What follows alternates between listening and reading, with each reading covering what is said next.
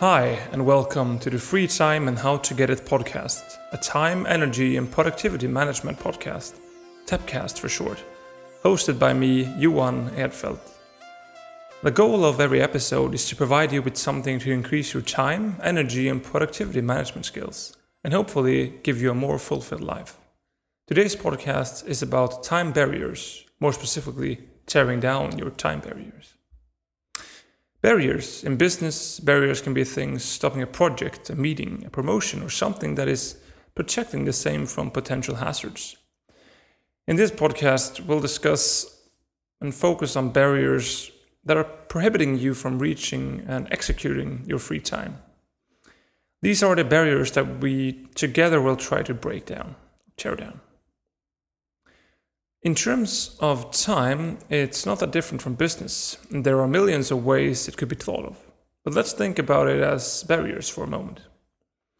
Let's think that if you have all this beautiful untouched time available, but there are barriers in the way, stopping you from using it. And also, when you have it, the free time that is, there are barriers during it, threats and hazards, if you will. Such a barrier could, for example, be your job. Let's face it, not all jobs are the greatest, and a lot of them take up so much of your energy that you're left with little else to do. Regardless if you have actual time over at the end of your shift, your job could be so exhausting that you don't have enough energy to actually do anything, besides working, that is. Well, the simplest thing to do is, of course, to change job. Simple as baking a pie? Maybe not. It's not always that easy just to change jobs. It requires quite the effort, not only in identifying what other type of job you would like, but also preparing all those application data, as well as interview prep, depending on the type of job in question, etc., etc. But if you're thinking about changing jobs, take some time and consider the whys. Maybe it's not the best job for you at this time in your life, but instead, you should be spending your time on something else. Easy to say, but hard to do, right? Sure, it is. But I'm afraid that very few things today are easy. Most things are actually quite hard. It could also be that the job you have now is indeed a job you should be doing because it's leading you to something great. Maybe your job is hard and takes a lot of energy, but it's a springboard. Maybe it's a springboard to the next big thing. It might be worth staying on a year or more and see how it goes. There are so many variables in this question that it's not easy to generalize into a common recommendation. Instead, this change will have to come from inside yourself. You have to decide what are the good, the bad, and the things you would like to change with the current job. Maybe there is a job available with all the interesting things just beyond the next hilltop.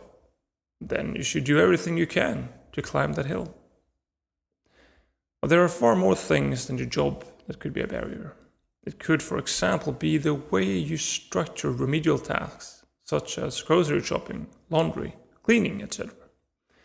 Have a look at your weekly schedule, because you've already made a weekly schedule, right? It's possible to only go grocery shopping once or maybe twice tops.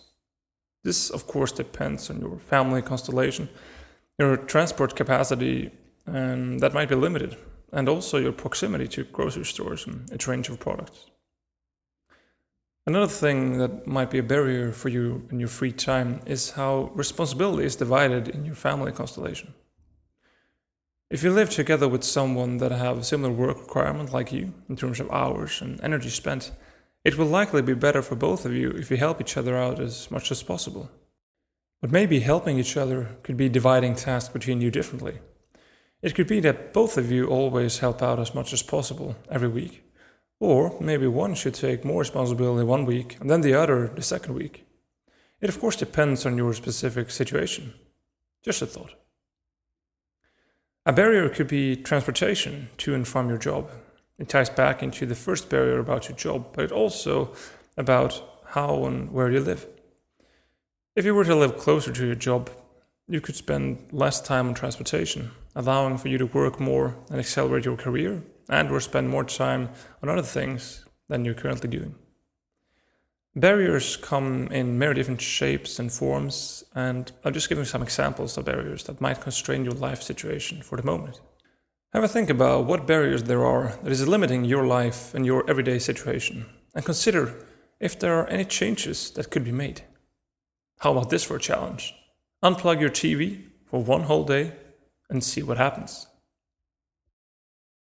And that concludes today's episode about time barriers. Thank you very much for listening. Send in your questions to the freetimepodcast at gmail.com and I'll gather them in a QA session once in a while.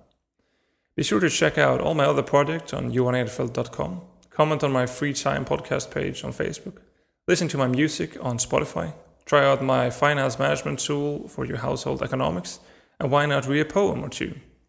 Download the time map, time schedule, and one year time plan from johanedfeldt.com forward slash downloads. Thank you for listening, and I'll see you next week.